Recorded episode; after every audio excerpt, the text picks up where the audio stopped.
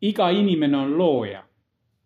tema elu ja looming sõltub ainult ja ainult tema enda mõtetest.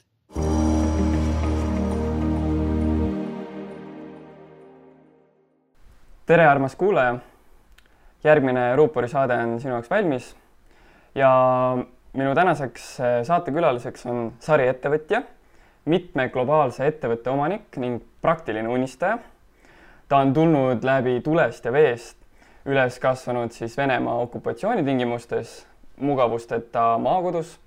see õpetas talle kõik distsipliini, sihikindlust, vastupidavust tema ettevõtted on läbi ajaloo tegelenud väga erinevate valdkondadega, sealhulgas IT, reklaam, transport, ehitus, tööstus ja toidukaupade jae- ja hulgimüük. loonud ka palju erinevaid tootmisettevõtteid. Reisinud läbi pea kogu maailma, elanud ja töötanud mitmes riigis. tema hiljutimise, hiljutisemad ettevõtmised on seotud loodusliku suhkruasendaja Steviaga ning Eesti ja välismaa leiutajatega seda viimast ettevõtmist sobib kirjeldama fraas innovatsioon ja tehnoloogia kogu inimkonna hüvanguks. see väekas mees ja looja on ei keegi muu kui Veiko Huuse. tere, Veiko! tere, Erki! Kui äh, Veiko elulugu kuulata, siis võib pilt minna kirjuks ja teemasid, millest rääkida tundub, et on lõputult.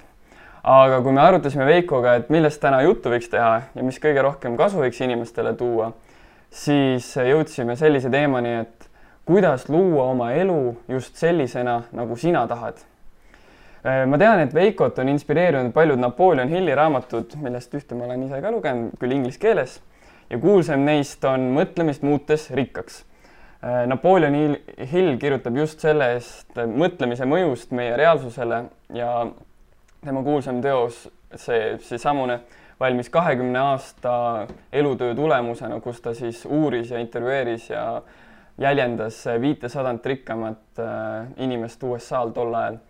ja sealt raamatust on pärit ka tsitaat, mida inimmõistus suudab välja mõelda ja panna end uskuma, seda suudab ta ka saavutada. ja minu arust sellise, selle mõtte Eesti kehastus on Veiko Huuse ja ma annangi nüüd sõnajärje sulle ja küsingi sinu käest, et mis ajal Napoleon Hilli raamatud sinuni jõudsid ja kuidas need sinu elu muutsid? oo oh jaa, väga-väga äge sissejuhatus, tänan sind, Erki, ma olen täitsa liigutatud, et ähm, võimas. ja konkreetse Napoleon Hilli raamatuni jõudsin, mõtlemist muutis rikkaks, jõudsin ma kaks tuhat üheksa aasta. Siis oli käimas just äh, maailmas suur majanduskriis ja kusjuures see kriis oli minu elus kolmas kriis üle elada, nii et, et äh, ma olen äh, väga palju kriise üle elanud ja olen äh, elus ja terve, väga kihvt. ja kaks tuhat üheksa aasta majanduskriisiga lõppes ka minu neljakümne aastane elutsükkel, mille jooksul ma sain väga-väga suured õppetunnid ja kogemused, mida täna üheski koolis ei õpetata. Ja ei ole inimest teist sellist, kes on kogenud sama, mida mina. mind on maailmas üks ja mul on enda kogemused, eks ole nii et äh, nii nagu igal teisel elaval hingel siin maakeral, nii on ka minul oma hing, oma teekond ja oma kogemused äh,. raamat, see konkreetne raamat avas minus võimsa väe, mis muutis minu mõtlemist ja sain aru, et rikkus ei seisne ainult rahas. Ülim rikkus seisneb sinu mõtetes alates selle teadmise teadvustamisest minu elu muutus täielikult ja avas tee esoteerikasse ja filosoofiasse.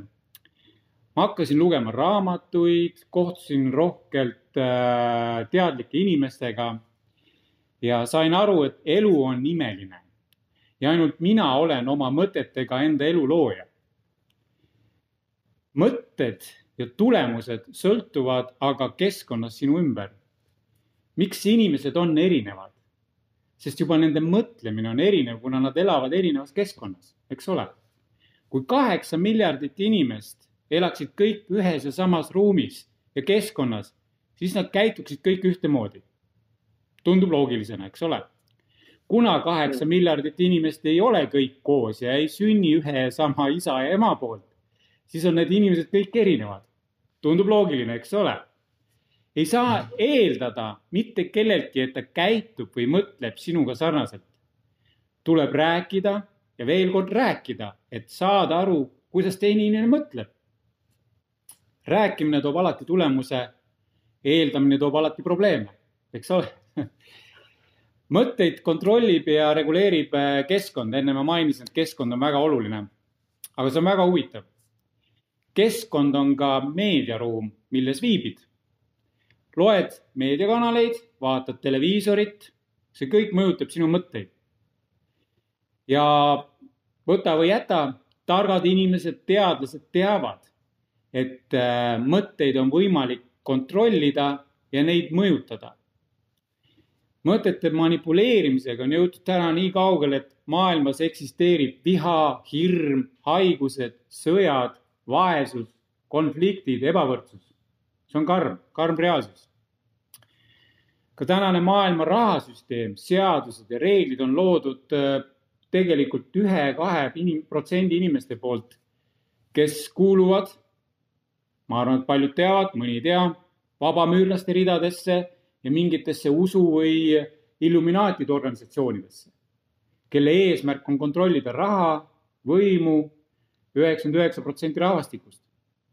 kusjuures väikeses Eestis on viissada vabamüürlast ja üle kahesaja ettevõtte juhi on seotud vabamüürlusega. ja need ettevõtted on tipptegijad. ja lihtne inimene mõtleb, et kuidas kellelgi on kogu aeg raha ja pidevalt läheb jube hästi ja, ja kui on kriisisituatsioon, siis just nendele ettevõtetele konkreetselt visatakse toetusrahasid, aga tavainimene, väikeettevõtja ei saa mitte midagi. Ma arvan, et äh, vastuse leidsid juba minu teksti seest, miks on nii. nii et mõtete manipuleerimisega on inimesed viidud unne, mis on täis valet.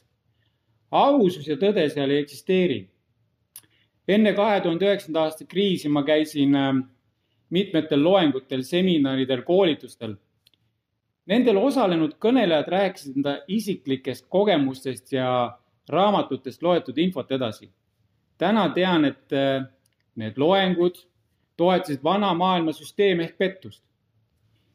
Neid ei kõnetanud juba siis mind, sest mul oli kogemusi kõnelejatel, kõnelejast alati rohkem ja mõttes vaidlesin kõnelejatele üsna tihti vastu. samuti oli mulle selge see, et kellelgi teise kogemus ei tööta samamoodi sinu peal kõik inimesed on indiviidid. Neil on konkreetne isikupärane energia ja hing sees. Need töötavad ainult tema peal ja tema moodi. minu jaoks on aja raiskamine kuulata mõnda kõnelejat, kes ütleb, et tema tegi nii ja tehke järgi ning saate ka oma tahtmise. minu jaoks ei tööta. raamatuid äh, lugedes ja tarkade inimestega kohtudes jõudsin arusaamisele, et iga inimene on looja tema elu ja looming sõltub ainult ja ainult tema enda mõtetest. Mõttest tekib impulss ja impulss paneb tegutsema. me võime lugeda ja kuulata mitme inimese edulugu, aga meie enda sees on olemas kõik need oskused ja tööriistad, et saavutada edu. meie sees on südametunnistus ja igaüks peab mõtlema, kas tema mõte on õige ja loob elule positiivset väärtust leia endas üles südametunnistus. alusta sellest, et leia üles süda ja kuula seda. Mõni ei tea täna, kus pool see süda üldse on. süda on siin vasakul pool, eks ole. nii et äh, mina soovitan endale otsida treener, kes aitab sul need oskused ja tööriistad äh, enda seest üles otsida. hea treener ja koolitaja ei ütle, mida sa pead tegema vaid ta ütleb, kuidas sa võiksid mõelda ja katsetada, et saada oma tahe. ta annab täiendavad tööriistad. Viimased kolmsada aastat on äh, inimesi toidetud pettuste ja valedega. selle aja jooksul on toodetud palju erinevaid kooliprogramme, et kasvatada põlvkonnad just petiste eesmärkide elluviimiseks. ma olen täna väga sihuke otsekohene, nii et mõni inimene kindlasti, kes mind kuulab, äh, kohkub ära, et mida see Veiko räägib nüüd. no nii on, see on minu arvamus ja minu minu vaate elule. manipuleeritakse inimeste mõtete, tõega ja ajalooga. Tänapäeva koolides lapsed õpivad raamatute ja õpetajate õpetuste järgi, mis on kellegi mõtete järgi välja töötatud. ning mingi aeg tagasi, me ei tea, kui, mis aeg need on toodetud, need raamatud ja õpikud, aga need ei tööta ju sinu peal. aeg on muutunud, inimesed on erinevad, infot võetakse vastu erinevalt, see ei tööta niimoodi. lisaks tänane elutempo on nii kiire, et need asjad, mis juhtusid kümme aastat, näiteks öeldi, et aasta pärast on asi uus, siis täna, kui öeldakse sama asja, öeldakse, et kuu aja pärast on uus asi, tegelikult see on juba päeva pärast uus asi, kõik muutub nii kiiresti. ja meil on ikkagi kooliprogrammid vanad. nii et äh, lapsed saavad kellegi teise vanad teadmised, aga see ei aita neid elus edukaks, edukas olema. lapsed on vaja suunata õieti mõtlema, õpetama läbi loome, isemõtlemise ja praktika see Napo-, Napoleon Hilli raamat äh, Mõtlemist muutus rikkaks võiks olla tegelikult esimese klassi kohustuslik kirjandus ja lapsevanematele samuti, kui lapsed kooli lähevad. mina paneks lapsevanemad samamoodi raamatuid lugema, mida lapsed loevad. sinu küsimusele kokkuvõttev vastus oleks siis selline, et sinu elu on täpselt selline, millised on sinu mõtted ja sind ümbritsev keskkond sa puudutasid seal väga paljusid teemasid, üks, mis nagu kohe tugevamalt kõrva jäi, sest ma olen ise just sellest värskest koolipingist tulnud, on ju, sina saad süüdistada veel seda, et oh, Venemaa okupatsiooni ajal on ju, seal õppisingi ainult punast asja, siis mida, mida ma justkui pidin sinimustvalget õppima, aga no mida ma seal õppisin? no ma, ma muidugi pärast keskkooli lõppu ma nagu süvenesin teemasse ja ma jõudsin, noh mulle Seth Godin rääkis sellest, äh, valgustas seda põhimõtteliselt, et äh, milleks kool on ja kuidas kool loodi ja millal kool loodi ja milleks. ja kool loodigi nagu siis, kui tehased tekkisid, oli vaja inimesi treenida, kes tehastes tööd teeksid. ei olnud nagu mingit muud eesmärki, oligi lihtsalt vaja harjutada, et see üheksast viieni, noh, vanemad olid tööl, lapsed oli vaja kuskil panna ja siis juba harjutamegi need töölised, treenime välja. ja see oligi nagu kooli põhimõtteliselt see ongi üks eesmärk, see, kuidas me selle vormistame, kõik need raamatud ja kõik need ained ja kõik, see on see, et nagu keegi nagu läbi ei näeks sellest otseselt. ja nüüd me oleme jõudnud ajastusse, kus ma võtan selle, selle asja kätte, on ju, okei okay,, ma võin öelda, okei okay,, meil võib elektrikatkestus olla, meil peab olema mingi baassüsteem, kuhu kukkuda, on ju, aga nagu üheksakümmend üheksa protsenti ajast on meil see ju kättesaadav, nii et miks me ei õpi nagu täiesti uutmoodi nagu asju lahendama ja keskkonda looma ja kõik need asjad, millest sa rääkisid järgmine küsimus võib-olla, sa rääkisid, et esoteerikasse jõudsid ka, et kas sul on seal teemas nagu mingid raamatud ka inspireerinud või või, või mis raamatud sind veel on inspireerinud? no ma olen ja ma olen tegelikult lugenud palju raamatuid ja loen jätkuvalt palju raamatuid, aga mul on siin minevikust on väga puudutanud selline raamat veel Napoleon Hilli sulest nagu Saatanat paljastades. ja ja see on tõsiselt hea raamat. mina oma viiekümne aasta kogemuse juures olin kogenud ja kogen täna ka väga palju selliseid situatsioone, kus ma olen seltskonnas sahtanatega ja teen juba vahet inimestel, kes on energeetiliselt puhtad ja kes mitte. ja siis ma vaatan, et kas seda inimest on võimalik puhastada või mitte, nii et, et tegelikult kui selle saatanat paljast raamatu läbi loete, siis te tegelikult saate ise ka nii targaks ja kogenuks, et te juba teete juba vahet, kes on saatan, kes mitte. et see on väga hea raamat, mida kindlasti ta soovitan ka teistel lugeda. teine ülimalt hea raamat on John Maxwelli äh, raamat Üheskoos võidukaks. see on, äh, see raamat räägib äh, suhtlemisoskuse jõust. Elus saavad protsessid alguse mõtlemisest, eks ole? Ja mõtte realiseerimise kütuseks on suhtlemine. ilma kommunikatsioonita ei toimu elus mitte midagi, isegi laps ei sünni ilma kommunikatsioonita, sa pead ju, mees peab ju naisele ettepaneku tegema, et ma armastan sind ja palun abiellu ja teeme lapsi, eks ole, hakkab kommunikatsioon, kõik hakkab protsessid pihta suhtlemine on nagu kütus automootorisse. kui paned bensiinimootoriga autosse diiselkütust, siis see auto ei sõida ju. seega suhtlemine peab olema õige mina oma koolitustel õpetan inimesi suhtlema ja kuulama. kuulama on teine oluline asi. kui sinu elu sõltub mõtlemisest, siis sinu tegevuste edu sõltub suhtlemisoskusest, mis sisaldab õiget kuulamist. nii lihtne see ongi. Ma olen kokku puutunud paljude inimestega, kes ei oska kuulata, aga nad on väga profid kuulmises. saad aru, kuulamine ja kuulmine Need on kaks eri asja. kuulamisel sa oled vestluspartneriga ühel lainel, kuuled, mida räägitakse.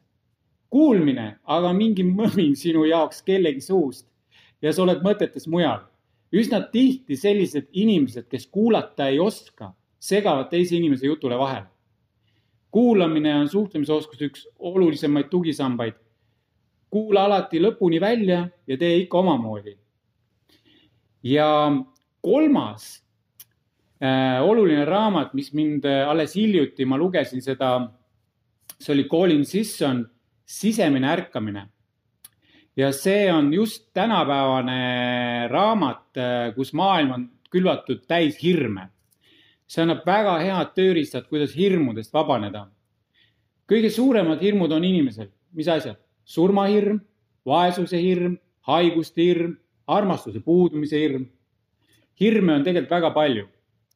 mina ütlen kindlalt sulle, surma ei ole mõtet karta, sest sinu hing elab edasi, kui sinu keha täna on surnud su hing läheb lihtsalt teise kehasse. aga kurb asi on see, et see hing, hingel on mälu ära kustutatud, nii et see hing ei mäleta, mis ta eelmises elus tegi. nii et selles suhtes pole mõtet surma karta, sa elad edasi, kogu aeg sa elad, su hing elab igavesti. mina ei karda midagi ja, ja mind on aidanud üks lihtne harjutus sealjuures, kusjuures on väga hea harjutus, ma räägin selle harjutuse ära, igaüks võib seda proovida. proovi sinagi teha seda kolm korda päevas võid ka siis teha, kui on väga pingeline hetk elus. Hingad, noh, see on niisugune hingamise harjutus, aga tegelikult see ei ole niisugune sunnitud, äh, kontrollitud hingamine. see võid teha hommikul, lõunal, õhtul. istu rahulikus kohas, sule silmad ja hinga lihtsalt äh, tavalist hingamist sisse-välja nina kaudu neli korda, lihtsalt hingad automaatset hingamist, mis sa igapäevaselt teed. neli korda nina kaudu sisse-välja, tavaline hingamine ja viies kord hingad sügavalt sisse nina kaudu oh,. ja kõva hääl saad ohkega välja. nii et seda hingamist püüa teha üksi, siis mõni vaatab, sa oled lolliks läinud peast. ja teed seda neli korda niimoodi, neli korda sisse-välja ja viies kord hingad sügavalt sisse ja ohkega välja. nüüd samaaegselt, kui sa hingad niimoodi automaatselt neli korda rahulikult sisse-välja, siis keskendu oma hingamisele tunneta seda, kuidas sul kõht paisub või rind paisub ja kui sa ohkega välja hingad, siis lase kõigel sellel hirmul ja jamal minna, mis sul päevaga kogunevad, selle ohkega välja, et oh, mine välja ja jumal tänatud, et sa välja läksid, sihuke tunne, eks ole. ja nüüd, kui sa selle hingamise ära teinud, istu lõdvestunud edasi ja nüüd kutsu see eh, situatsioon või hirm, mis sulle tekitas mingit asi, mingi asi tekitas hirmu kutsu see enda juurde ja pea koosolek nüüd maha. kutsu see hirm tagasi ja küsi hirmu käest niimoodi mõttes, silmad kinni mõttes, hirm, miks sa mind hirmutad, mis on sinu ülesanne, mis on sinu eesmärk, mis sa teha tahad? ja nüüd on hea, see on nagu lastele ka, et, et kui see hirm sulle ei vasta ja kui see hirm sind ära ei tapa sellel hetkel nüüd kohe, siis kas on tegemist hirmuga? ütle mulle, ei ole ju hirmuga. Kui hirm ei reageeri sulle sinu sees ja ta ei võta ka midagi kuritegelikku ette sinuga, järelikult seda hirmu ei ole olemas. ehk me kardame mitte midagi, täpselt, me kardame mitte midagi. see tähendab seda, miks inimesed kardavad, kui see ei ole eluohtlik ja kui ta ei suhtle sinuga, siis teda ei ole olemas, on ju lihtne ju. ja kui sa seda sisendad endale, et hirmu ei ole olemas, see on lihtsalt minu mõte, et ma teen mingist asjast hirmu mida mina soovitan teha, on see, et, et ära kunagi lase, kui mingi hirmutunne tuleb, ära lase, ära suru teda maha, ära hakka mõtlema millegi muule, ära hakka otsima uut tegevust, vaid olegi nüüd selle hirmuga kahekesi ja küsi ta käest alati, miks sa oled, miks sa tulid, mis sa tahad. ja nüüd, kui ta ei vasta ja midagi ette ei võta, see hirm, siis teda ei ole olemas. ja defineeri samal hetkel hirm ümber situatsiooniks. saad aru, jah? hirm tuli, aa, see on situatsioon, see ei ole hirm. Defineeri, ära defineeri seda kui hirmuks või probleemiks. sul on situatsioon, mis sulle ei meeldi ja see vajab lahendamist. eks ole, mõtle situatsiooni algallikale, kust see alguse sai ja likvideeri või korrasta see allikas. nii lihtne see ongi. nii et äh, jõuame selle esimese punktini, kui me alustasime, et, et, äh, et mõtlemist muutes rikkaks või kuidas mõtlemine muudab su elu, et tegelikult äh, kõik on mõttes kinni, me lihtsalt mõtleme asja hirmuks, ei ole mõtet, mõelge situatsiooniks ja see tuleb lahendada ja kõik on võimalik lahendada. no sellest äh, hirmust räägib ta nagu ka seal raamatus, et just ongi, et need hirmud tapavad need unistused põhimõtteliselt. absoluutselt. ma tahan veel hirmu kohta öelda niimoodi, et äh, siin on äh, et äh, hirmud nõrgestavad sind igas mõttes. see on absoluutselt, see nõrgestab sind ja kui, ähm, äh, kui sa pirtsutad ja oled pidevalt hirmudes, siis miks elu, elul on vaja pirtsakaid ja hirmunud lambukesi? hirmudes inimesed on nõrgad ja vastuvõtlikud igasugusele halvale. Nad on nii hea saak saatanatele. mina nimetan saatanateks inimesi või olendeid, kes kasutavad nõrku ja hirmunud inimesi enda kasuks ära, nii et, et äh, sellepärast ongi, et äh, saatanid on väga palju meie ümber, et, äh, et äh, nii see on, et ma olen kümne aasta jooksul, viimase kümne aasta jooksul lugenud palju raamatuid ja suhelnud väga tarkade inimestega ja, ja, ja ma olen väga-väga rahul, ma olen väga kogenud, nii et, õpin edasi. praegu on nagu ajakohane, asjakohane on see, et noh, hirmutatakse ju nüüd nagu eriti intensiivselt selles mõttes, et mitte, et see kogu aeg on nagu olnud, et hirm nagu müüb ja noh, kõik asjad on ju et äh, nagu seda no äh, põlisrahvastel, no näiteks võtame põlisameeriklastel, neil on nagu selline hirmuga tegelemise praktika, et nagu kui meie läheme kehalisse kasvatusse, teeme kätekõverdusi, siis nad põhimõtteliselt seisavad hirmuga silmitsi, noh, kõik, võib-olla nad kasutavadki neid samu võtteid, muudavad selle situatsiooniks ja mõistavad, et see on nagu peas. aga nagu, kui seda praktikat ei ole all, kui sa ei ole nagu ütleme siis vaimseid kätekõverdusi teinud siis on ju tegelikult äh, see, mis sa räägid, see on nagu teoorias on lihtne, ongi, et et me räägime, kuidas teoorias kätekõverdusi teha. kümne minutiga, ma arvan, räägid ära, kuidas maailma parimaid kätekõverdusi teha, aga praktikat, kui ei ole, siis võib-olla see reptiilaju või ma ei tea, mis ajuosa täpselt selle hirmu eest nagu vastutab, see lihtsalt ei ole nagu sinu kontrolli all või õigetesse programmidesse, noh, sinu poolt loodud programmidesse nagu kirjutatud. et võib-olla nagu veel laiem-, noh, ma arvan, et see hirmu teema on nagu oluline, et äh, mis, mis nagu, kuidas nagu selle noh, ütleme siis, ütleme siis veel eriolukorra hirmu maandamistehnikad, mis, mis sa ise kasutasid, mis, mis sa nägid, mis toimisid nagu just sinul endal ja võib-olla sinu lähedastel või teistel? tegelikult ongi see seesama, see lihtne hingamise harjutus täpselt see töötabki väga hästi, et sa istud lihtsalt maha ja, ja hakkad suhtlema iseendaga, eh, suhtled oma hingega, oma südamega ja, ja, ja kui sa hakkad oma hirmuga suhtlema, siis äh, nagu ma ühe korra mainisin ka, et, et äh, sa eeldad, et keegi teab ja asjad lahenevad, tegelikult ei ole nii. hakka rääkima, rääkimine annab tulemuse, ehk kui sa suhtled ka hirmuga, see lahendab kõik asjad see on, see on nii lihtne, et äh, räägi, on tulemus, eeldad, on probleem. nii et, et alati tuleb rääkida, tegutseda. võib-olla järgmistel radadel rääkisime nendest, äh, sellest eluloome alustaladest juba rääkisime, et, et võib-olla äh, kui inimene nüüd on otsustanud, teinud mingi sisemise tugeva otsuse, et ma tahan luua vot sellist elu, on ju aga praegu on siin kõik möll on ju käib, on ju, võib-olla mingid perekondlikud draamad või mis iganes tal praegusel hetkel on, et kuidas siis nagu tunda ära see õige hetk, millal tegutseda või on alati õige hetk, et tegutseda, alati peaks nagu oma visiooni ja oma elu ise looma või kuidas sa see, mida, kuidas sa seda kommenteerid? ja hea küsimus. see õige hetk võib olla iga hetk. et et kõik inimesed on ähm, loojad, aga väga vähesed on suutsid midagi suurt looma. ja, ja et ei ole olemas sellist valemit, et kõik saavad elada luksuslikku, rikast, äh, külluses elu, et, äh, et igal inimesel on äh, mingi elu eesmärk ja, ja nad, ta peab midagi tegema selleks, et ta peab midagi, mingi väärtuse andma, et ta saaks ise vastu sama palju väärtust, et päris nii ei ole, et kaalukauss on ühele poole kaldus et eh, koristaja on väga vajalik töötaja, kas lapiga põranda pesemine on suur looming, aga siiski ka tema on looja, sest ta loob puhtust, eks ole. ja suurem mass inimesi osalevad eh, kellegi loomingu aru, arengus või protsessis. aga nad ikkagi on loojad. näiteks keegi on loonud tervisliku toidu tootmise ja palkab sinna töötajad ja need töötajad on selle loomingu arengu osalised. Aga nad ei ole ise loonud seda tootmist. Nende töötajate looming on selle protsessiga seotud ja nende looming aitab arengule kaasa.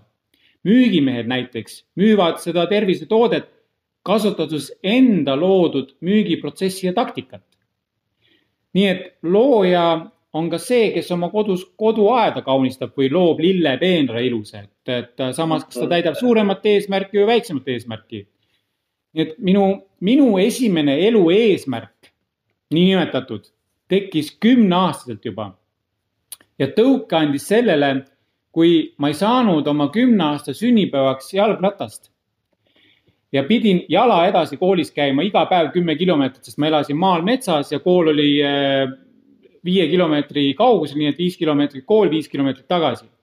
vahest pidin ka käima päevas kakskümmend kuni kolmkümmend kilomeetrit, sest ma käisin ka trennis ja, ja pidin kooli kõrvalt tööl käima, sest minu ema taskuraha ei andnud ja ma pidin varakult ise juba tööl käima raha eest, nii et, et et ja minu eesmärk kümnendaks eluaastaks tuli see, et kui ma jalgrattasse saanud, et tulevikus ma olen ärimees ja minu äritegevused garanteerivad mulle muretu elu ja ma saan osta kõike, mis ma tahan. nii et see tuli minul kümneaastaselt, et äh, kuna mu ema käis palgatööl ja tegi veel lisatööd, siis kümneaastaselt sain aru, et kui palgatööga ei saa osta lapsele jalgratast, no siis palgatööga rikkaks ei saa. seega tahad või ei taha, mul polnud mingit teadmist selle kohta, aga kümneaastaselt mõtlesin, et mina palgatööd elus tegema ei hakka, sest see rikkust lauale ei too. ja pidin saama ettevõtjaks olen tänaseks äh, äh, juhtinud mitmeid ettevõtteid ja esimese ettevõtte tegin tuhande üheksasaja üheksakümne esimesel aastal, kui Eesti sai uuesti taas vabaks ja ma ei ole tänaseni palgatööd teinud. ja ma olen loonud rahvusvahelisi ettevõtteid mitmeid, olen äh, tänagi mitme ettevõtte omanik ja tänaseks olen ka investor ja ka koolitaja. nii et äh, ma olen äh, suhteliselt palju teha ja teinud ka saan ka aru, et lool, loojal ja loojal on vahe. et sa võid olla oma elu looja, tehes midagi sellist, mis toidab ära su pere ja oled, elad rahulikku elu. kas sinu eesmärk, kas sinu eesmärk on luua midagi suurt, mis oleks kasulik suuremale inimeste grupile või kogu ühiskonnale, maakerale, siis, siis see õige hetk võib tulla samuti igal ajal. minule tuli see hetk, et midagi ühiskonnale luua kahe tuhande üheksanda aasta majanduskriisi ajal, kui otsustasin luua sellise elu, et meil ei ole sõdu, pingeid, rikkaid, vaeseid, haigusi, keerulisi seadusi ja reegleid. Et, et selline elu, kus inimesed on elavana sama vabad ja võrdsed kui surnuna. nii et äh, ma tahan luua harmoonilist elu, kus elu käib inimeste südametunnistuse ja loodusseaduste järgi et see otsus tuli sellepärast, et ma sain aru maailma valitsevast süsteemist, mis ei lase üheksakümmend üheksa protsenti elanikkonnast kergelt rikastuda ja olla vabad. tänane maailmakord on vale ja valet täis. ainuüksi pangandus ja kogu see rahasüsteem on õhu ja võlgade peale üles ehitatud. inimese allkirjast luuakse raha. väärtuse looja on ju inimene. ilma inimeseta ei ole rahal ega kullal hinda mitte miski ei oma hinda ega väärtust, kui inimene seda ei puuduta. sain aru, et maailma valitsevad jõud teevad kõik selleks, et ähm, suur osa inimestest on orjastatud ja kontrolli all ja nad ei tohi teada rohkem, kui koolis programmid õpetavad. kooliprogrammid õpetavad eksisteerima, mitte elama. ma arvan, et sa oled nõus sellega. internet on tore ja tehnoloogiline lahendus, aga ta on kaasa toonud katastroofi vaata, mis tehakse kommentaariumites, hävitatakse inimeste elu, pedofiilia, kõik sellised asjad, kõik lapsed on suured saak. investeeritakse miljardeid tehnoloogiatesse, mis on pigem inimese ja looduse vaenulik, mitte sõbralik. minule see maailmakord ei meeldi. näidake mulle täna inimest, kes on ausalt õnnelik. Kui oled oma eesmärgis kindel, siis sellega tuleb kogu aeg tegeleda ilma hirmudeta mina loon uut elu kogu ühiskonna jaoks, sellepärast julgen ma ennast nimetada ka avalikult loojaks. ma nõustun või nagu ma ühtin sellesama viimase fraasiga, et ma loon, ma loon äh, kõik, mida ma loon, see on kõik, kõik, kogu inimkonna ja kogu planeedi hüvanguks, et jaa, võib, võib-olla tuleme nagu sinna juurde, et millesse ma usun äh, kuidas see maailm hakkab päriselt muutuma ja see on see, millest sa nagu väga tugevalt puudutad, mida sa nagu kehastad. Äh, sa ilmselt tead seda law of diffusion, mis on siis see, et on need varajased, need hullud on ju üks koma neli protsenti, kes uurivad ükskõik mida ja siis nemad nagu seletavad nendele varajastele adopteerijatele ja siis sealt edasi läheb massidesse. siis ma mõtlen, et need kes nendele nii-öelda esimestele hullud, esimesed hullud, ma näen nagu, et need on suuresti ettevõtjad, kes hakkavad mingit praktilist väärtust et nagu tegema, ma mõtlengi, sa tulid nagu selle Steviaga turule ja teadvustad lihtsalt kogu seda suhkru teemat, et meil on vaja selliseid nii-öelda noh, katselaboris öeldakse, et hullud hiired, aga põhimõtteliselt julgeid ettevõtjaid, praktilisi, võib-olla ettevõtja veel laiemas mõttes, et need, kes te annavad nagu praktilise väärtuse nendele asjadele ja siis ma nagu võib-olla tahangi nagu noh, võib-olla äkki see kõne inspireerib ka kedagi veel julgemalt nagu looma, et kui ta on mingis ärivaldkonnas, aga tegelikult südames vaata tunneb täiesti teist, tahab luua tegelikult kogu ühiskonna ja kogu inimkonna heaks, et siis tal oleks julgust vahetada seda valdkonda, võtta oma teadmised, oma need kuldsed tööriistad kaasa ja panna see nagu uude rakkesse. et see on nagu, mis ma nagu näen, et mis on nagu puudu, et meil on need mõtlejad ja filosoofid ja võib-olla ka spirituaalsed juhid ja mis noh, erinevad nagu, need on nagu olemas, aga sealt ei lähe nagu edasi sinna järgmisse kategooriasse. aga võib-olla järgmine küsimus, et eh, mis on eh, peamised ämbrid, mida sa just selle reaalsusloomega oled kolistanud ja mis sa nagu oled nendest õppinud ja mis siis valesti läks? ma hingan nüüd sügavalt sisse oh,. ja, ja et ähm, niinimetatud ämbreid ehk jutumärkides halbu kogemusi on olnud äh, piisavalt ja need on mind äh, õpetanud rohkem kui koolid, lühikursused või õnnestunud ettevõtmised. miks jutumärkides halbu kogemusi? sest ei ole olemas halba ja head kogemust, on kogemus lihtsalt. sest niinimetatud halb kogemus sisaldab alati head ja vastupidi, sest kui mingi asi juhtub, siis tuleb vaadata selle halva juures, et miks ta juhtus ja tegelikult jumal tänatud, et juhtus just nüüd sellel hetkel, sest et näed, nüüd ma päästsin veel selle võimaluse ja nüüd on võimalus vot seda nüüd teha, et noh, tegelikult igal halval on hea pool, igal heal on halb pool. nii et sellepärast ei tasugi ennast stressi ajada, nimetada, et see oli nüüd halb kogemus, see on hea kogemus, lihtsalt on kogemus. et ettevõtmistes ma tegin nii, niinimetatud jälle vigu, sest ettevõtlust äh, ja kuidas raha töötab, ei õpetatud ei keskkoolis ega ülikoolis minu ajal ja ja kui ma kahekümne aastaselt oma elu iseseisvalt elama hakkasin, siis äh, noh, ei olnud ka kuskilt seda lugeda ega õppida, sest äh, Eesti alles sai vabaks ja meil piirid alles avati, muidu olime okupatsioonis ja suletud maailmas, eks ole. ka mu ema ei osanud mind õpetada, sest teda ei olnud õpetatud ning aeg ja poliitiline olukord oli teistsugune. ma sain oma õppetunnid praktiseerides. mul ei olnud kaotada mitte midagi, aga võita oli väga palju. ja ma olen tänulik, et ma julgesin tegutseda vaatamata oma puudulikele teadmistele. mul oli suur tahe tõestada iseendale, et ma saan hakkama ükskõik mis hinna eest. minu lapsepõlve kasvatus oli juba selline, et ma pidin tegema kõik tööd, mis kästi teha ja tulemus pidi olema hea. nii nagu minu maadlustreener ütles, et ei ole olemas kaotust, on halb tulemus ja seda saab alati parandada et minul ei olnud ka rikast pere ega toetust. ma alustasin tuhat üheksasada üheksakümmend üks aastal nullist ettevõtlusega, tühjad taskud. lisaks oli mul üheaastane laps juba ja naine, ma olin abielus. täna mul on äh, kaks last ja ma olen juba vanaisa kahekordne, nii et äh, ma olen õnnelik inimene. tõesti, ma olen väga õnnelik inimene. miks? sest tänu minu kogemustele ja julgusele olen täna see, kes ma olen. ma olen rahvusvaheline ettevõtja, investor ja koolitaja ma julgen täna kinnitada kindlalt, et ma isiklikult ei tea Eestis ühtegi sellist koolitajat, kellel on reaalselt nii rikkalik praktiline ettevõtluskogemus elukogemus kui minul. see on küll enesekiitmine, aga võta või jäta, nii see on. samuti ma olen väljaspool Eestit äh, enamus koolitusi teinud, suurtel lavadel olnud äh, mitmes riigis ja ma ei ole veel kohanud ka väljaspool Eestit sellist koolitajat selliste kogemustega kes on ühes pisikeses väikeriigis vaesusest ennast üles töötanud sellise kooliga. ma ei ole kohanud, kindlasti kuskil on, aga mina ei ole, vaata, ma ei ole näinud neid inimesi. ma kasvasin Vene okupatsiooni ajal, kus puudus internet, vaba ettevõtlus ja välismaine kirjandus. koolis õpetati valet, ebavajalikke teadmisi. kodus valitses mul range distsipliin, pidin ise lahendused leidma. iga töö sai tehtud, meil olid koduloomad, metsast pidime ise puid tegema käsi saekirvega, põllutööd kõik tegema. ma kudusin ise sokid, ma tikkisin ise patju. ei ole tööd, mida ma teha ei oska. anna täna, võta internet ära noortelt Nad teevad enesetapu, sest nad ei oska ilma Youtube'i ja sotsiaalmeediakanalite enam elada, nad ei tea, mis elu on.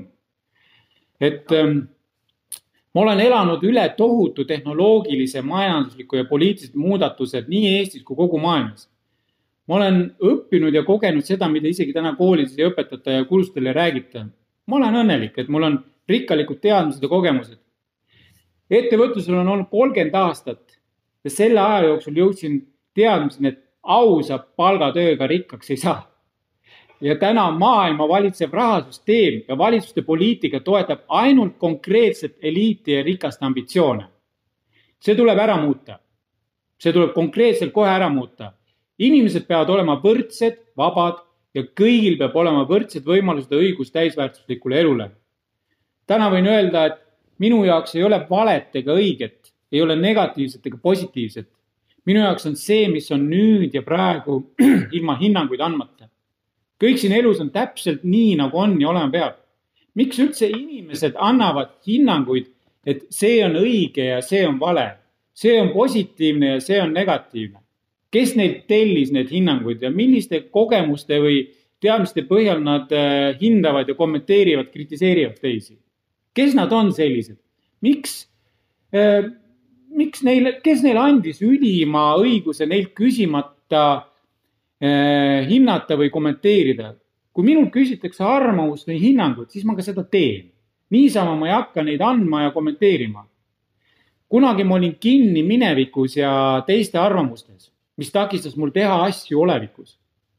kunagi ma olin kinni unistustes ja tulevikus, mis tekitas minus rahulolematust ja stressi, et miks mina ei saa ja teistel õnnestub täna ma olen siin ja praegu olevikus ja mul ei ole stressi ja mul kõik õnnestub. ma teen iga päev täpselt nii palju, kui on võimalik ja vajalik. ma ei tee rohkem ega vähem. ma täna armastan ennast rohkem kui kunagi varem ja ma saan armastust juurde rohkem kui kunagi varem. sa saad seda, mida sa tahad, kui õieti küsid. sinu küsimusele vastus selline, et, et minu ämbrid on mind targemaks, on teinud mind targemaks, kogenumaks, tugevamaks ja valesti ma ei ole elus mitte midagi teinud. tavainimese mõtlemise järgi valesti tehtud asi on minu jaoks eksam elukoolis, mis tuli uuesti sooritada. minu elu ongi täis eksameid ja õppimist mm. -hmm. väga eluterve suhtumine, väga nagu selline äh, nagu ei, ei demotiveeri iseennast, on ju.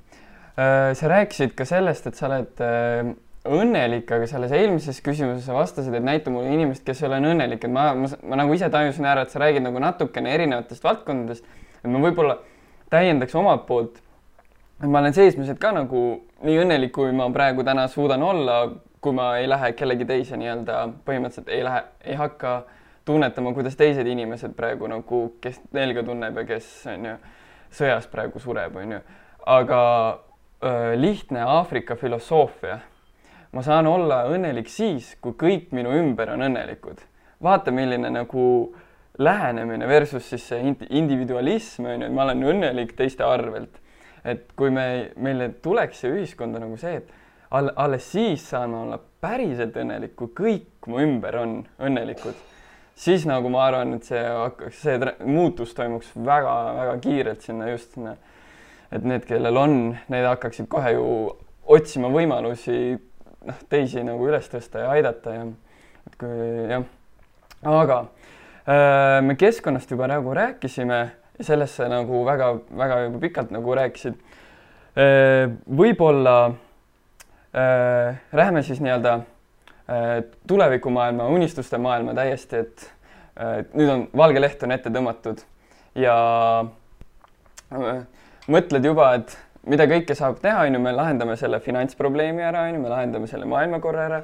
et mis on siis need äh, reaalsed uued avastamata või veel avastamist ootavad nii-öelda leiutised või teadmised või, või, või uued nagu lahendused, millest sina unistad või mida sina uurid või millest sina nagu, mis sinu nagu selle sisemise kire käima paneb?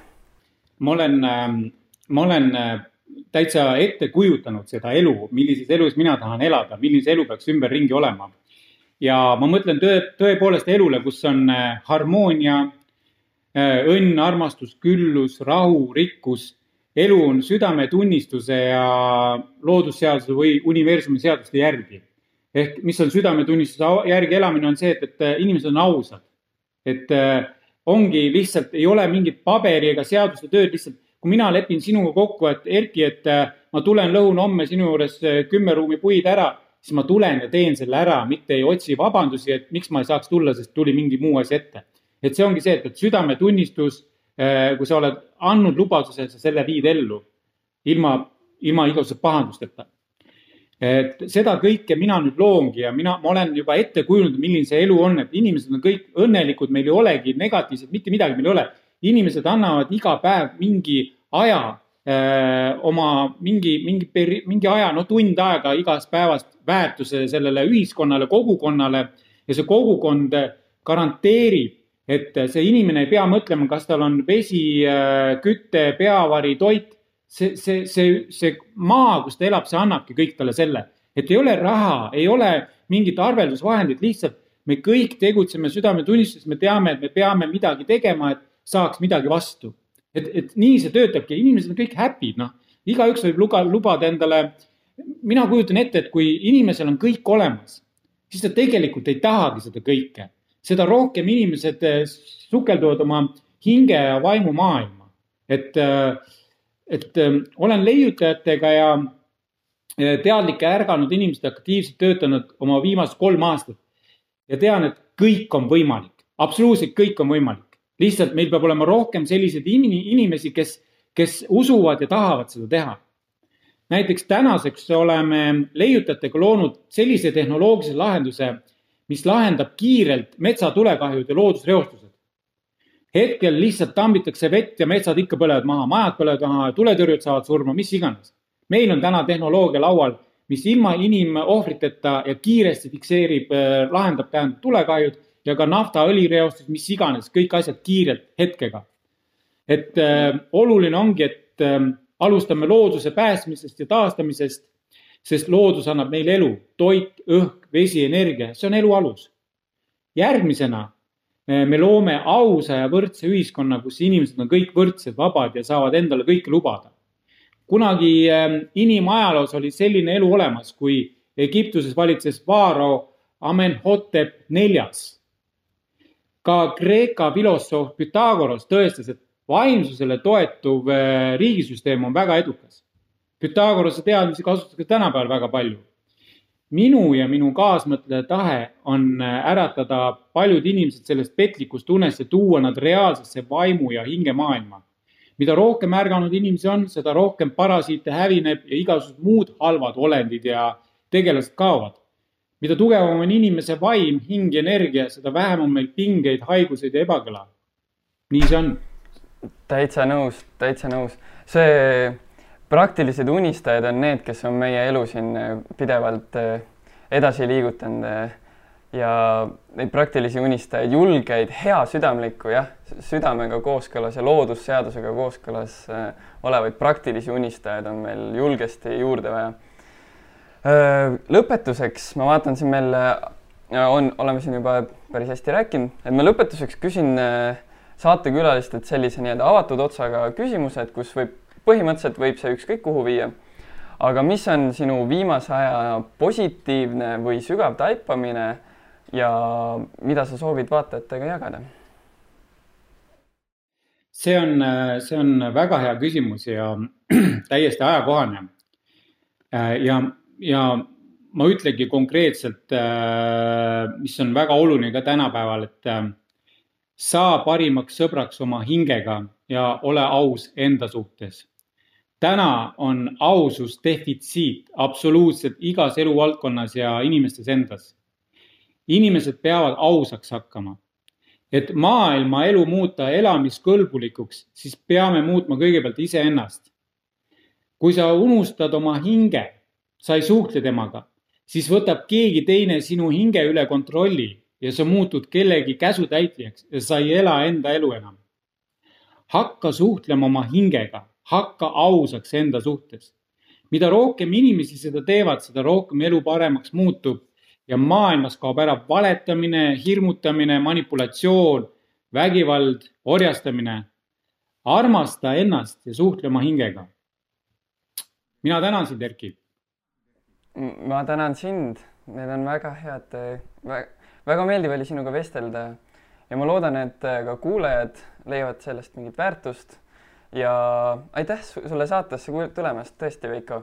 ja kui inimesed tahavad äh, sind kuidagi toetada, sinuga ühendust võtta, sind aidata, siis kuidas nad seda teevad? ja minu äh,, minu kohta saate lugeda veel lühidalt minunimelistel koduleht, kodulehtedelt veikohuuse.com ja veikohuuse.ee ja sealt leiate ka minu telefoninumbrid ja meiliaadressid ja minu kodulehel on ka kolmteist audiokursust, mis aitavad ka inimesi edule, nii et, et äh, võtke julgelt minuga ühendust, ma olen täiesti äh, vaba ja mõnus inimene, aitan alati ja eesmärk on ikkagi elu muuta selliseks, et kõik oleme õnnelikud ja elu on harmooniline. ja selline saigi siis tänane saade Veiko Huusega, niisugune praktiline unistaja ja loodan, et leidsite sellest väärtust ja kohtume jälle taas